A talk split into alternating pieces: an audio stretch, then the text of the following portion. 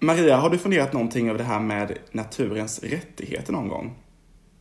Jag läste en rätt spännande sak härom, eh, härom veckan som, om ett skogsområde på Nya Zeeland. Och där, där var det en, en stam som hette Nyangai Tuoe eller någonting sånt. Som har drivit Bra en uttal. rättslig process. Eh, och så har de fått tillbaka det här området som tidigare har varit någon sorts naturreservat. Eh, eh, men de har inte äganderätt till det utan det, de förvaltar den. För att skogen har liksom eh, t- ja, tillskrivits rättigheter som en, som en juridisk eh, person. Mm, Och, och det tycker jag är väldigt spännande för att ofta så är det ju så att man eh, antingen tänker att klim, eller miljö och klimatproblemen ska lösas genom att människor tar ansvar, individer, grupper och så vidare. Eh, och att, att man gör det liksom på eget bevåg. Eller så tänker man att det ska lösas genom någon sorts centraliserad ordning och det skulle då vara kanske antingen en världsregering eller ibland talar man om att om vi inte klarar av det här själva så, så ja, då kommer det ju oundvikligen på slu, slutet behöva bli någon sorts diktatur kring de här frågorna. Och det är ju så väldigt besvärlig motsättning som man målar upp där båda, inget av alternativen egentligen verkligen funkar. Och då kan man ju fundera om inte det här med den juridiska vägen är en sorts lösning på det här problemet. Det är ju ändå ett sätt att tänka som vi är rätt vana vid från andra sammanhang. Det blir ver- verkligen lite att flytta över liksom en- den mänskliga skapelsen som just det här med juridik och, och rättighet och sådär är till att tillskriva den naturen. Det är en extremt spännande tanke i alla fall. Det är det vi ska prata om idag. Vi ska inte göra det helt ensamma. Vi har med oss en person som har funderat extremt mycket över detta, kanske mer eh, än vad du och jag har hunnit göra hittills, Maria. Det är ändå en ganska mer. ny, ja, det är ganska ny tanke för mig i alla fall. Även fast det har bubblat lite mer och mer kring att tillskriver alltså naturen och olika naturområden juridiska rättigheter. Vi kör en liten jingel på det Maria och sen så välkomnar vi in en tredje person i samtalet.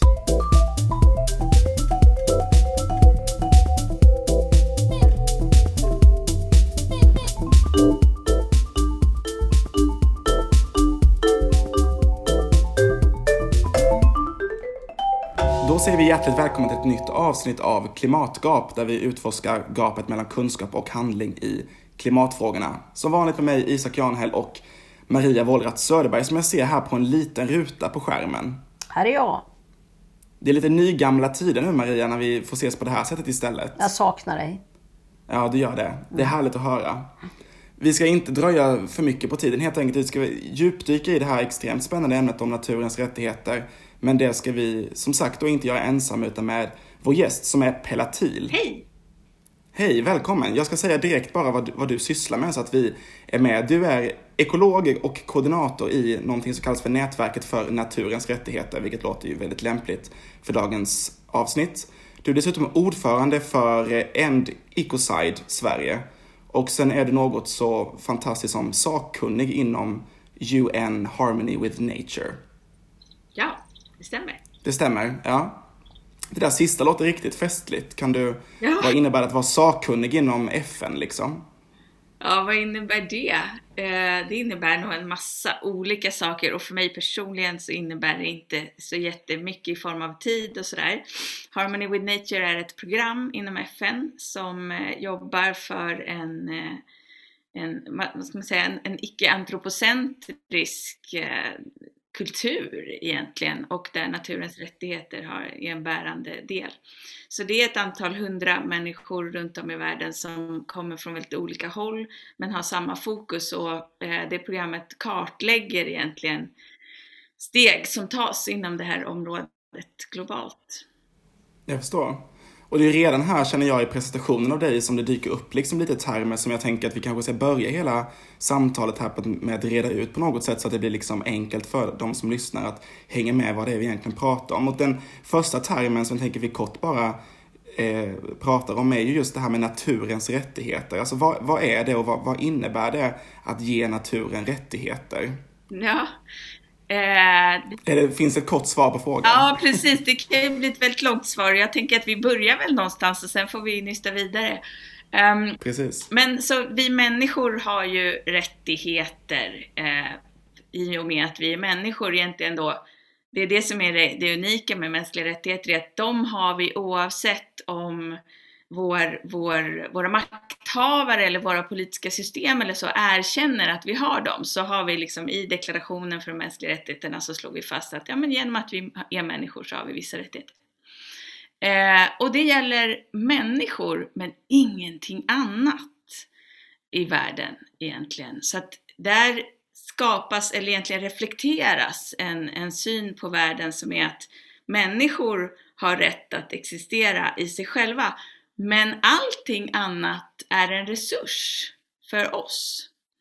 Så resten av den levande världen är, är liksom inte subjekt med rätt att existera utan objekt i, i eh, juridisk mening då.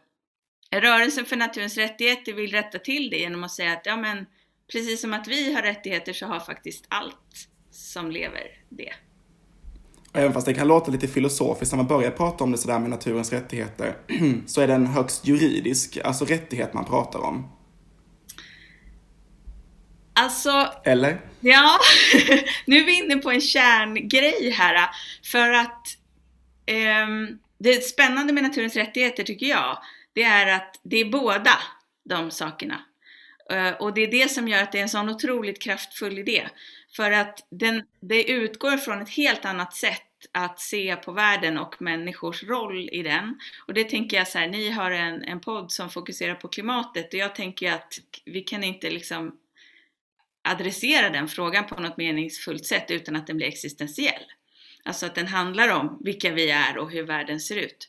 Och naturens rättigheter vill peta i ett, ett, fundamentalt antagande som vi gör i vår kultur som är just det här om människans roll och relation till resten av naturen. Så på det sättet så är den ju både filosofisk och existentiell. Men, och, den förstås väldigt väl av våra juridiska system så att den går att arbeta med så konkret nu, idag, med de institutioner som vi redan har. Vi behöver liksom inte ändra någonting jättemycket. Eh, och det gör att den är en väldigt spännande bro mellan, eh, mellan en, en, massa olika saker egentligen.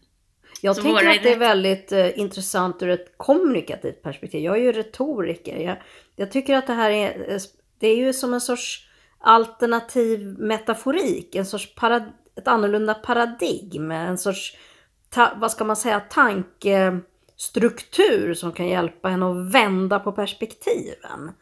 Eh, och att det därigenom är ganska intressant. Du sa ju det att det här är något vi, det juridiska är ju något vi förstår, vi är bekanta med och också som vi respekterar. Vi har liksom tillit till det juridiska. Och det gör ju att det kan vara ett eh, liksom tillgängligt alternativ. Vi kan låna tilliten från hur vi brukar tänka kring juridiska frågor till att tänka kring den här frågan. Och det betyder ju också att man lånar en massa andra saker som till exempel möjligheten att ha en ombudsman eller en advokat för ett sånt här eh, perspektiv. Det är ju väldigt spännande. Sen har vi den andra termen Pella och det är det här med ekocid. Det känns som kanske det som är kanske ännu något svårare att förstå bara sådär på rak arm. Kan du förklara vad, vad ekocid är för någonting? Mm. Um, det är, alltså det blir mycket enklare på engelska då, apropå kommunikation, så heter det ecocide. Och uh, det är eco i samma ord som i ekonomi och ekologi, det betyder hemmet alltså vårt, vårt hem, vår livsmiljö. Och sid betyder att döda. Så att döda hemmet egentligen. Och det blir väldigt mycket lättare att förstå om man tänker på genocide som är folkmord, eller homicide som är mord helt enkelt. Eh, och ecocide är alltså att, att eh, döda naturen. Och när vi pratar om det så handlar det om ett, ett nytt internationellt brott eh, i samma eh, ramverk som folkmord som vi arbetar för och tror behövs. Jag känner genast att vi behöver exempel, Pella. Mm. Vad, vad, vad, vad ska det här betyda i praktiken? Eh, finns det några fall, några exempel på sammanhang där man faktiskt verkligen har utvecklat de här tankarna eller använt dem som redskap för att hantera någon ja, fråga? Nu, de, de här två sakerna är ganska mm. olika vill mm. jag säga. Eh, så naturens rättigheter, det är liksom den här stora tankevändan. Eh, Ecocide är egentligen en ganska specifik åtgärd som går att göra mycket väl utan att naturen har rättigheter egentligen. Så kan vi säga så här, men vi människor, vi behöver också naturen. Vi behöver också vår livsmiljö och därför så ska, är, är, vore det bra om det var brottsligt att förstöra den. Um, så att ja, de är, de, de, man kan inte, ja, de, de... ska vi börja med naturens rättigheter då? Hur ja, den, det liksom, den tanken ser ut globalt eh, idag och hur den har använts hittills liksom. Ja. Eh, och det är ju en skitspännande utveckling alltså. När jag stötte på, när jag började tänka på det här, det är ungefär eh, åtta år sedan. Då så tänkte jag så här, det här är någonting jätte jätteviktigt. Här måste man liksom utforska och jag gick och frågade alla mina miljöjuristvänner så här, hur, hur, hur, hur, hur är det med det här? Vad känner ni till om det här? Liksom, hur kan man jobba med det här? Och de bara tänkte att det, jag fick ingen respons överhuvudtaget. De bara, ja det där är spännande men det är väldigt far out alltså. um, och så tänkte jag, jag kan lägga hela mitt liv på detta. Men jag kommer aldrig ens se att det tar sig fram för att det är så, det, det är så främmande, liksom. det är så långt bort. Och sen dess har ju utvecklingen varit totalt exponentiell. Så att det kommer beslut, hela tiden nya beslut som ni var inne på där med eh, den här nationalparken i Nya Zeeland som var ett av de första som fick rättigheter som juridiskt subjekt. Ehm, de första besluten överhuvudtaget i världen, de kom från lokalsamhällen i USA faktiskt som såg att eh, deras, eh, deras platser var hotade av sånt som industriellt jordbruk eller fracking eller gruvdrift eller så. Eh, och de hade ingenting att sätta emot. Och då så bestämde de sig för, de har en juridisk konstruktion som gör att de kan göra lokala författningar. Där de säger så att, ja okej, okay, eh, Människor har rättigheter, företag har rättigheter, men här där vi bor så har också ekosystemen rättigheter. Sen var det några från USA som var sakkunniga när Ecuadors regering bestämde sig för en ny konstitution, en ny grundlag 2008. Där de lyfte in naturens rättigheter. Så det är den första och hittills enda grundlagen där naturen har rättigheter och inte bara människor. Eh, det var 2008 mm. och det var så avgörande. Och sen har det rullat på därefter det förstår jag med, med många olika nationalparker och, och, och, länder också som har skrivit in detta i, i, sina grundlagar och på olika sätt förankrat det i sitt juridiska system redan. Floder, ja. skogar, ja. vad kan det vara mer som man... man, man eh, I Nya Zeeland är det också ett berg. Ja. Um, Ja, så att det är mest den vägen det har tagit fram. För det är som mm. sagt, det är bara en grundlag hittills, det är Ecuador. Men sen är det mm. mycket, mm. det är väldigt intressant eh, fråga för att den kommer från väldigt många olika håll. Alltså dels från så politiska sammanslutningar som parlament i Nya Zeeland. Eh, dels från eh, aktivister som jag, som gör deklarationer om till exempel floders rättigheter generellt eller våtmarkers rättigheter håller man på med nu och försöker få in. Ehm, men också från domstolar som säger så här, ja men vi vet mycket väl att till exempel floderna i Indien eller floderna i Bangladesh håller på att dö. Och vi är helt beroende av dem. Men vi kan inte skydda dem. Vi, gör, vi försöker och försöker i decennier men det går inte. Vad ska vi göra? Ja, men vi måste se, säga att de har rätt som juridiska subjekt. Så att domstolarna faktiskt kan försvara deras intressen på ett annat sätt. Det tycker jag är en jättespännande utveckling. Men då, då får vi en liten bild av hur det ser ut. Men då tänker jag lite just konkret eh, vad det skulle göra för, för skillnad. Liksom. För att jag tänker det, det, det finns en rad olika miljöbrott till exempel som är, som är förbjudna och så vidare. Vi är inte tillåtna att behandla ändå naturen hur vi vill, även fast man såklart kan diskutera eh, om det skulle bli ännu mer strikt vad man får och inte får släppa ut eller och så vidare. Men att ge naturen rättigheter, vad skulle det göra för konkret skillnad för naturen än att vi idag bara har olika typer av miljöbrott och sådär. Och vi har ju nationalparker och vi har ju eh, ja, naturskyddsvärden och sådär. Så vad är Mm. skillnaden? Ja, men ni utforskar ju gapet mellan kunskap och handling. Mm. Och vi, har ju väl, vi vet ju väldigt väl att vi idag eh, håller på att att ta död på livet egentligen. Mm. Att vi lever i en sjätte massutrotning av liv. Eh, Ja, vi kan ju konstatera att det vi inte har räcker i alla fall. Det är ju otvetydigt. Ja, och då skulle jag vilja säga Mm. så här att det är inte konstigt att vi gör det. För att vi har ju haft den här idén om att Mm. människan är eh, den enda som räknas. Mm. Och om vi har den idén, ja men då kommer vi inrätta våra system efter den idén. Så att vi till exempel vet att vi har en systematisk artutrotning i skogen i Sverige. Men vi gör ingenting för att, eller ingenting är väl dumt att säga kanske, vi gör saker men det vi, vi vet väl att det vi gör inte räcker för att ändra den utvecklingen. Och det är ju för att vi har ett juridiskt system som hela tiden prioriterar andra intressen än de som lever i skogen i form av skalbaggar och mossor och, och, och lavar och sådär. Eh, och vi som jobbar med naturens rättigheter, vi ser ju så här att ja, men ska vi kunna ändra det här, ja men då måste vi ändra det på en kulturell nivå. Vi måste ändra hur den här kulturen fungerar, vilka mål och drivkrafter den har, hur den ser på världen och uppfattar eh, människor. Så det är en tankeskiftning snarare då, liksom att flytta fokus från att i ett miljöbrott tänker jag att man blir ju dömd för, ett, eh, för en handling gentemot andra människor. Att vi har kommit överens om att man får inte göra så här. Men med att ge naturen rättigheter så skulle man istället bli dömd för alltså orsaken direkt gentemot naturen. Ja. Är det det som är skillnaden liksom? Ja, precis. Och, eh, och det är en fråga som är eh, som verkligen inte alls egentligen berör bara lagstiftning utan den berör liksom hela systemet.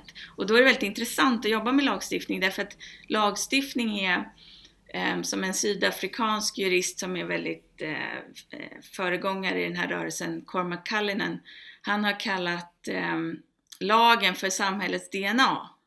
Alltså det är så vi vet vilka vi är, det är så vi utvecklar våra system, det är så vi vet vad som är rätt och fel. Det påverkar våra värderingar väldigt mycket. Så det är ett väldigt liksom, effektivt sätt att arbeta med paradigmskiften. Så lagen är kanske mer ett verktyg än ett mål. Men, men det här sättet att tänka med naturens rättigheter, det är ju på ett sätt eh, att utmana, som vi sa, den antropocentriska världsbilden, liksom att man ställer människan i centrum och att naturen till för människan. Men det är ju samtidigt ett antropocentriskt sätt att tänka att naturen har rättigheter, alltså äh, att man förmänskligar naturen. Äh, vad, kan man säga om det? Det är ju en lite förvirrande paradox. Ja, det är verkligen en paradox. Ja. Um, mm. Ja, men det finns mycket man kan säga om det. Man kan ju dels kan man säga att um, vi är ju människor. Eh, och därmed är vi alltid antropocentriska. Alltså vi kan inte inte vara det, för att jag tittar alltid ut på världen genom en människas ögon. Och det är bra om jag vet det, att det är på det viset. Men det är en väldigt stor skillnad mellan det faktumet och att jag uppfattar världen som att den snurrar runt mig. Det är två helt olika saker. Liksom vad jag, hur jag upplever världen och hur jag tror att världen är beskaffad är två olika saker. Och jag tror att vi kan hålla båda de där sakerna. Och jag tror också att vi som människor, vi vill ju gärna tro att vi är väldigt speciella och unika. Och det är vi ju. En av de speciella och unika sakerna som vi har, det är ju just det här att vi är medvetna om att det är möjligt att ha olika perspektiv. Att vi har den fantasin så att vi kan sätta oss in i, men hur kan det vara att vara ett träd? Vad behöver ett träd? Vad har det för intressen? Alltså det där är ju, på något sätt så tänker jag att det här med att eh, försöka sätta, förstå att jag har ett perspektiv och att det finns andra perspektiv, det är ju att verkligen bli mänskliga. Liksom. Ja. Att använda den mänskliga kapaciteten. Men har det inte att göra med makt också? Jag tänker på, vi har så en enorm makt, vi har tagit oss en sån enorm makt. Och om man har makt så måste man också fundera över vad är det man vad, vad är det man trampar på eller vad är det för, för något som kan vara sårbart? Det kommer ett stort ansvar eh, med, med, att, med det och att ge röst till den som inte har röst. Eh, kan man tänka så också? Ja, det tycker jag att man verkligen kan göra. Jag tänker att vi liksom med det här ofta ett helt oreflekterade sättet att förstå världen som, som, och som jag vill säga också som finns i den, just den här kulturen. Och som ja. jag skulle säga är faktiskt ett undantag i mänsklighetens historia.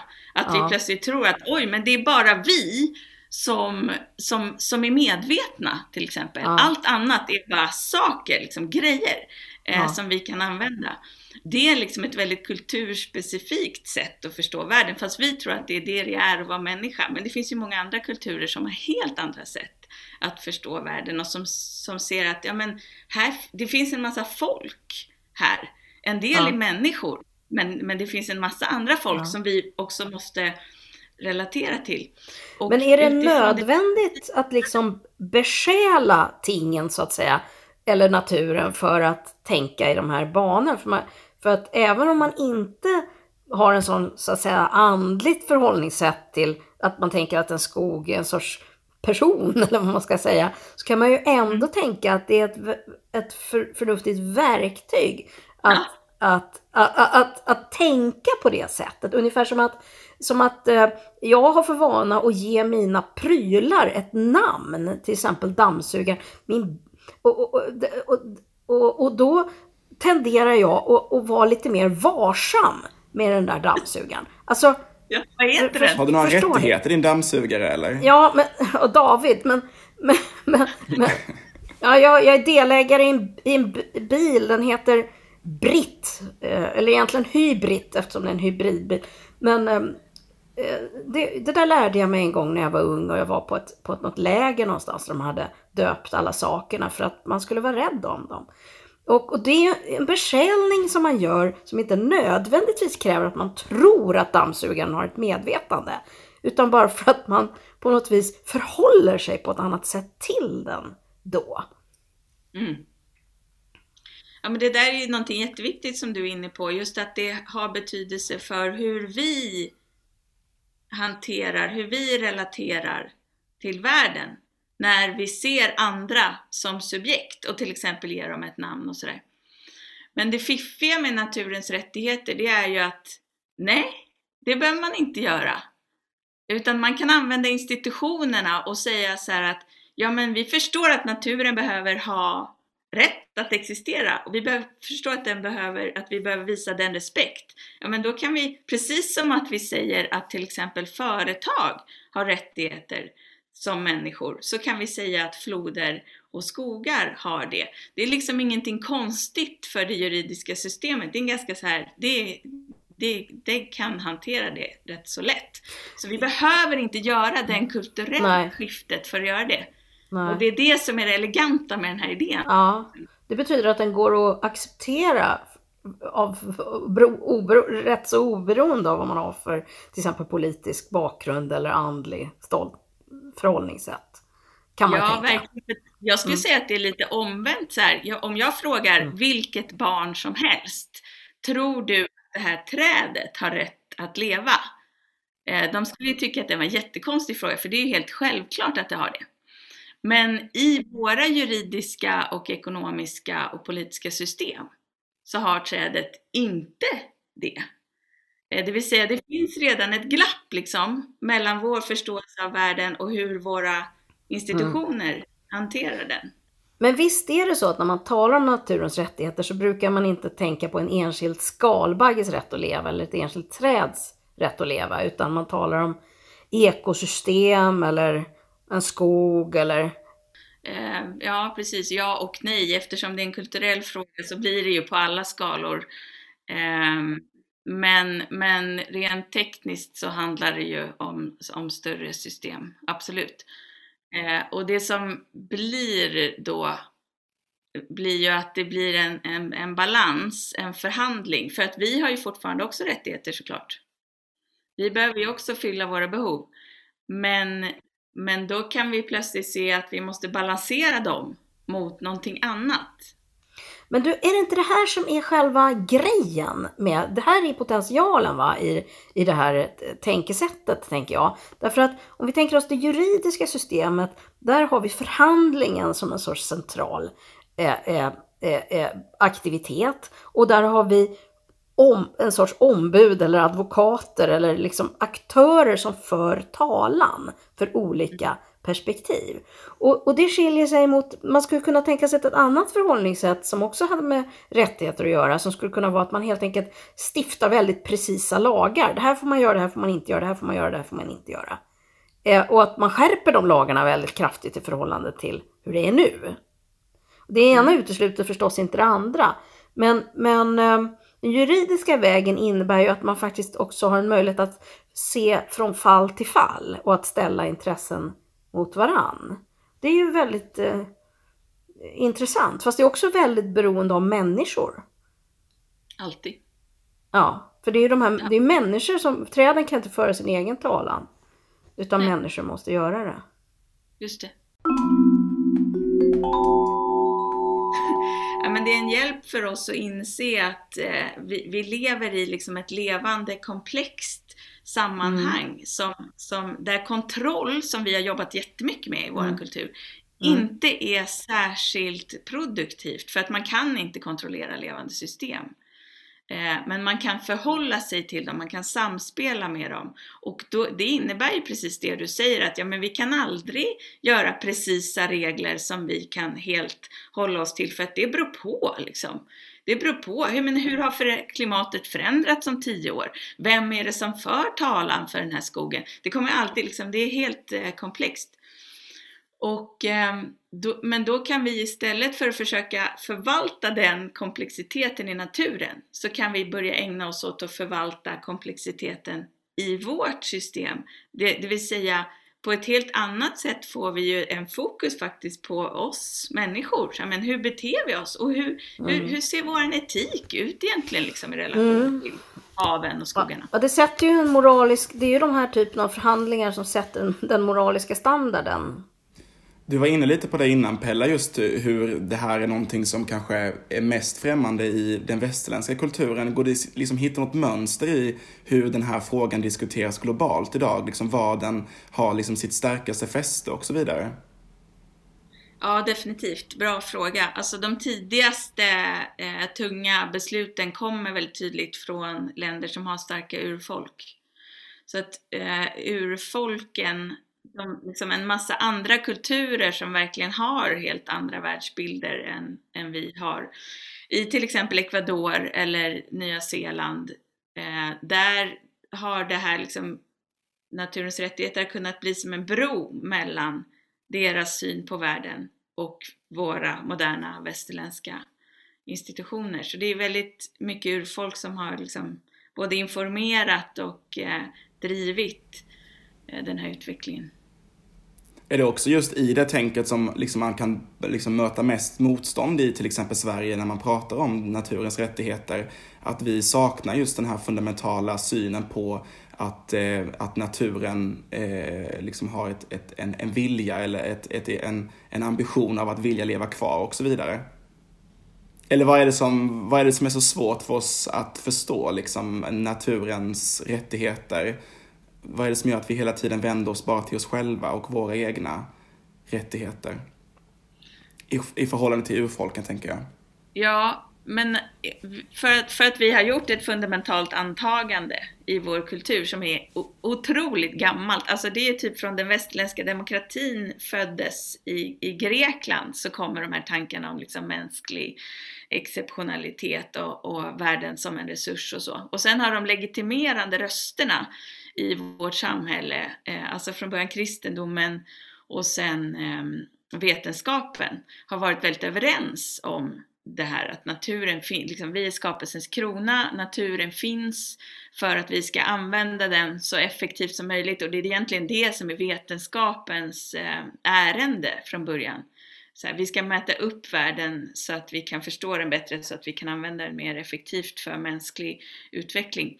Så att ur det perspektivet så är det liksom inte alls konstigt. Alltså förra året så var ju översteg teknomassan, alltså material skapade av människor, dess, den, dess vikt överskred eh, världens samlade biomassa för första gången. Det är en sån här, jag säger Holy det för att jag ska förstå det. Vad sa du? Otroligt! Ja, det är helt otroligt. Ja. Så att vi, men den utvecklingen, alltså om man har synen att eh, utveckling betyder att, att den mänskliga sfären växer, ja men då är ju det där en konst, liksom, det är så det Ja. kommer bli. Eh, och det är så det är nu.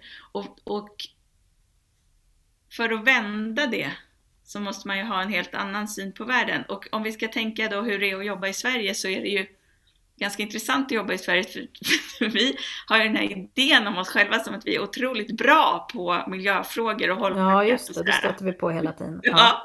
Ja. Helt bortsett från att vi har väldigt höga utsläpp per capita. ja, ja, Mm. exakt. Mm. Ehm, så att det är ju en svårighet att vi behöver ju inte liksom göra någonting avgörande egentligen för att vi är ju på rätt väg. Ja. Ehm, men så är det ju inte riktigt. Vad ska man ta som utgångspunkt för vad som är naturens rättigheter eller vad, vad, vad som är naturens behov? Då har vi väl inte heller något annat att luta oss med mot än vetenskapen. Eh, nej, det där är ju en otroligt spännande fråga. Alltså hur ska vi veta då? Vad, Ja, hur ska vi veta vad vill? som är naturens behov? Om man ska ge naturen en röst, hur, hur vet man Ja. det? Eh, Ja. och, då, och där tror jag verkligen som du säger, alltså vetenskapen är ju vår bästa hjälp i det. Ja, Eh, vi, vi vet ganska väl hur, hur naturen fungerar för att vi har Ja. tittat på det jättemycket och jättenoga. Samtidigt är det ju så att den mänskliga ingenjörskonsten har, har slagit fel ganska många gånger. Eh, eh, och å andra sidan så är det ju det vi håller på med hela tiden. Så här handlar det väl mer om att göra det på ett mer samvetsgrant sätt. Alltså, jag tänker på det här med att man ska eh, utgå från vetenskapen när man försöker begripa vad naturen behöver. Eh, eh, ställt mot att man utgår från vetenskapen när man utformar vad människan behöver. Mm. Ja, Så är det. Tve- Ja. svärd. Men jag Mm. tror att det som händer här det är ju att vi också behöver vara ganska ödmjuka. Alltså ja, vi kan veta grejer med hjälp av vår vetenskap och liksom våra förstoringsglas och våra teleskop och sådär. Och det kan vi veta genom, när vi tittar ut med våra mänskliga ögon då. Men det är fortfarande bara ett perspektiv. Så att det här handlar egentligen om att säga att ja, vi kan veta vissa saker och vi kommer alltid bara veta vissa saker. Det innebär att det finns en massa andra saker som vi inte kan veta. Och att det också finns olika sätt att veta. Alltså urfolk har inte ägnat sig åt att ta reda på saker på samma sätt som vår kultur. Men de vet saker från ett annat perspektiv och det är också ett, ett giltigt sätt att eh, ha kunskap om världen. Ja. Ja, Det slår mig att det finns liksom flera olika dimensioner som det här rättighetstänkandet tillför. Ett, en sån dimension nämner du, det, det är att det är flera perspektiv som, som liksom blir eh, tillgängliga. Och ett, och ett annat eh, är också att, att man kan tänka sig att det blir flera avnämare också, då är vi fortfarande inne i det mänskliga, men det kan ju också vara djur och så vidare. Man kan tänka sig att det är geografiskt större perspektiv man tar. Eh, också, man funderar över hur saker och ting hänger ihop, en sorts systemförståelse. Men jag tänker att ett tredje perspektiv som känns som om det kommer in, det är tidsperspektivet. Alltså att väldigt många av de här besluten vi har fattat som har skadat naturen har varit kortsiktiga. Mm. Men medan det här rättighetstänkandet öppnar för ett långsiktigt tänkande.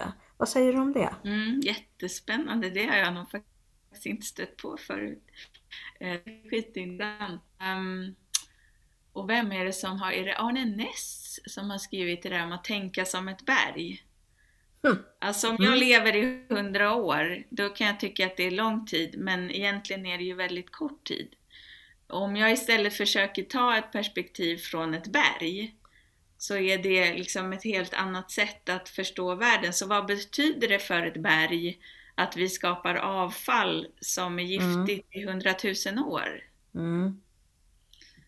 Men det här alltså får mig att associera till en annan sorts långsiktig eh, eh tänkande som är besläktat med det här med naturens rättigheter, nämligen barnen och de framtida generationernas rättigheter. Jag tänker på den här, det här målet i Norge nyligen, eh, där eh, jag kommer inte faktiskt ihåg detaljerna, men i vilket fall så gick man, fick man avslag på, på... Vet du mer om det, Pella? Ja, det borde jag ju göra. De använde, ja. jag tror att de använde en skrivning i grundlagen om eh, eh mänsklig rätt, mäns, mänskliga rättigheter till miljön. Ja. Och att eh, de framtida generationernas rättigheter var hotade från det perspektivet. Ja. Och det är klart att med, med ett sådant perspektiv får man ju inte med sig det här att man att man så att säga gör naturen själv till en aktör. Men man får i alla fall med sig den där långsiktigheten och en sorts breddning av perspektivet. Men om man ska ändå göra en jämförelse mellan barn och naturen så kan det, det, finns, ju, det finns ett enkelt sätt att, att för oss att förstå vad ett barn vill. Vi var inne på det lite, hur vet man vad naturen vill också att säga. Men är det inte att göra oss lite dumma också att inte våga ta det tänket vidare till naturen? Det går ju ändå att göra ganska så grova antaganden att även naturen vill eh, liksom fortplanta sig och fortsätta leva och, och, och blomma och så vidare. Alltså, är det, gör vi oss lite dummare än vad vi egentligen är, Pelle, när det kommer till att se på naturen och dess rättigheter? Ja, jag tror faktiskt det. Särskilt när man tänker att vi också tycker att vi är så otroligt bra på att just känna till saker om naturen för att vi har mycket forskning om det och så. Så är det ju verkligen att, att göra oss dumma om man inte kan säga att vi tror att naturen vill vara hälsosam och vi tror att vi kan också säga vad det betyder att den är hälsosam. Men när man tänker på rättigheter, Pelle, så tänker man ju ganska så automatiskt på just skyldigheter. Jag vet att det är också någonting som ofta dyker upp i de här samtalen. Man börjar diskutera istället då att om man tillskriver naturen massa rättigheter så kommer man också på automatik ge naturen massa skyldigheter. Det argumentet, liksom, fungerar det att, att tänka på det sättet att, att det skulle vara en problematik kring att ge naturen rättigheter? Mm, eh, den frågan dyker ju ofta upp och när man pratar med urfolk om det så stirrar de på en och bara, jag förstår inte vad du pratar om. Eh, allt du behöver får du från naturen. Dina kläder, dina möbler, din frukost, allt! Och du pratar om skyldigheter! Alltså, jag vet inte, det är så här, totalt eh, främmande för dem ju vi har redan tillskrivit naturen ganska så mycket skyldigheter skulle man ju också kunna konstatera. Det är ganska så mycket vi förväntar oss av att naturen ska ge oss. Den bara levererar och levererar och levererar och, och, och vi säger inte ens tack. Och det är ju det som är, tror ja, det jag... är ju faktiskt en väldigt absurd idé, alltså att, att tänka de här banorna. Det är bara för att de här begreppen i den mänskliga världen är så sammankopplade, rättigheter och skyldigheter, som man nästan det är nästan omöjligt att inte tänka på det kopplat även till det här. Och det är det som jag tror också är ja. en av de stora styrkorna faktiskt. För att eh, eh, det är inte förrän man börjar prata om rättigheter som man kan börja se det som vi tar för givet egentligen. Eh, det är en sån idé som är så avslöjande att när man börjar tänka på den, det är först då man börjar se hur konstigt som vi resonerar idag. Liksom. Och, och jag tror ju att det här är eh, en, en sån idé som verkligen kan ge oss tillbaka någon slags värdighet som människor. För att det som vi sysslar med idag i hållbarhetsdiskursen, det är väldigt mycket att vi funderar över så här, ah, men hur ska vi göra så lite som möjligt? Hur ska vi liksom begränsa oss så bra som möjligt? För det är väldigt tydligt att vi måste nog begränsa oss. Så vi måste liksom göra oss små och väldigt effektiva. Och det är ett sätt att vara som inte är kanske särskilt attraktivt eller kanske särskilt eh, kreativt. För, för, vi vill ju ha kvar den här mänskliga förmågan till liksom innovation och kreativitet och sådär. Men mm. om man säger att ja, vi har rättigheter och vi får en massa från naturen, men vad ger vi tillbaks? Alltså hur blir det en mm. reciprocitet? Hur blir det en ömsesidighet i den här relationen? För man kan inte bara, om man vill ha en bra relation, Då kan man inte bara ta och ta och så ta kanske lite mindre då. då. Eh, utan man måste också fundera över, men vad ska man ge?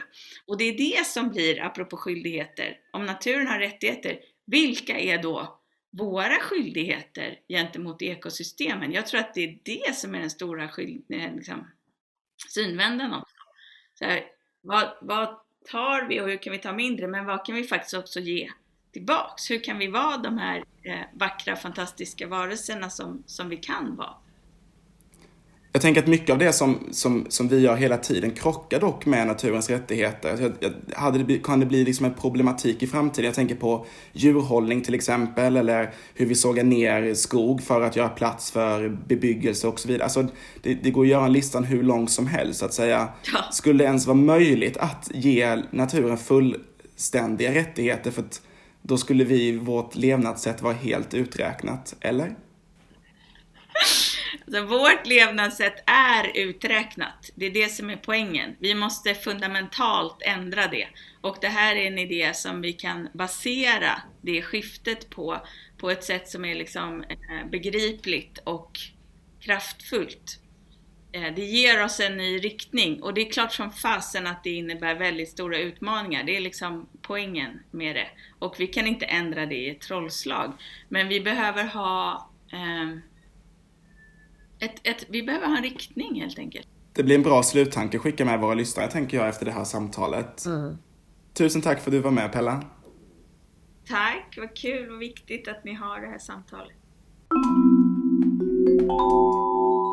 Klimatgrad produceras av Södertörns högskola och tekniker var Alexander Hannervall.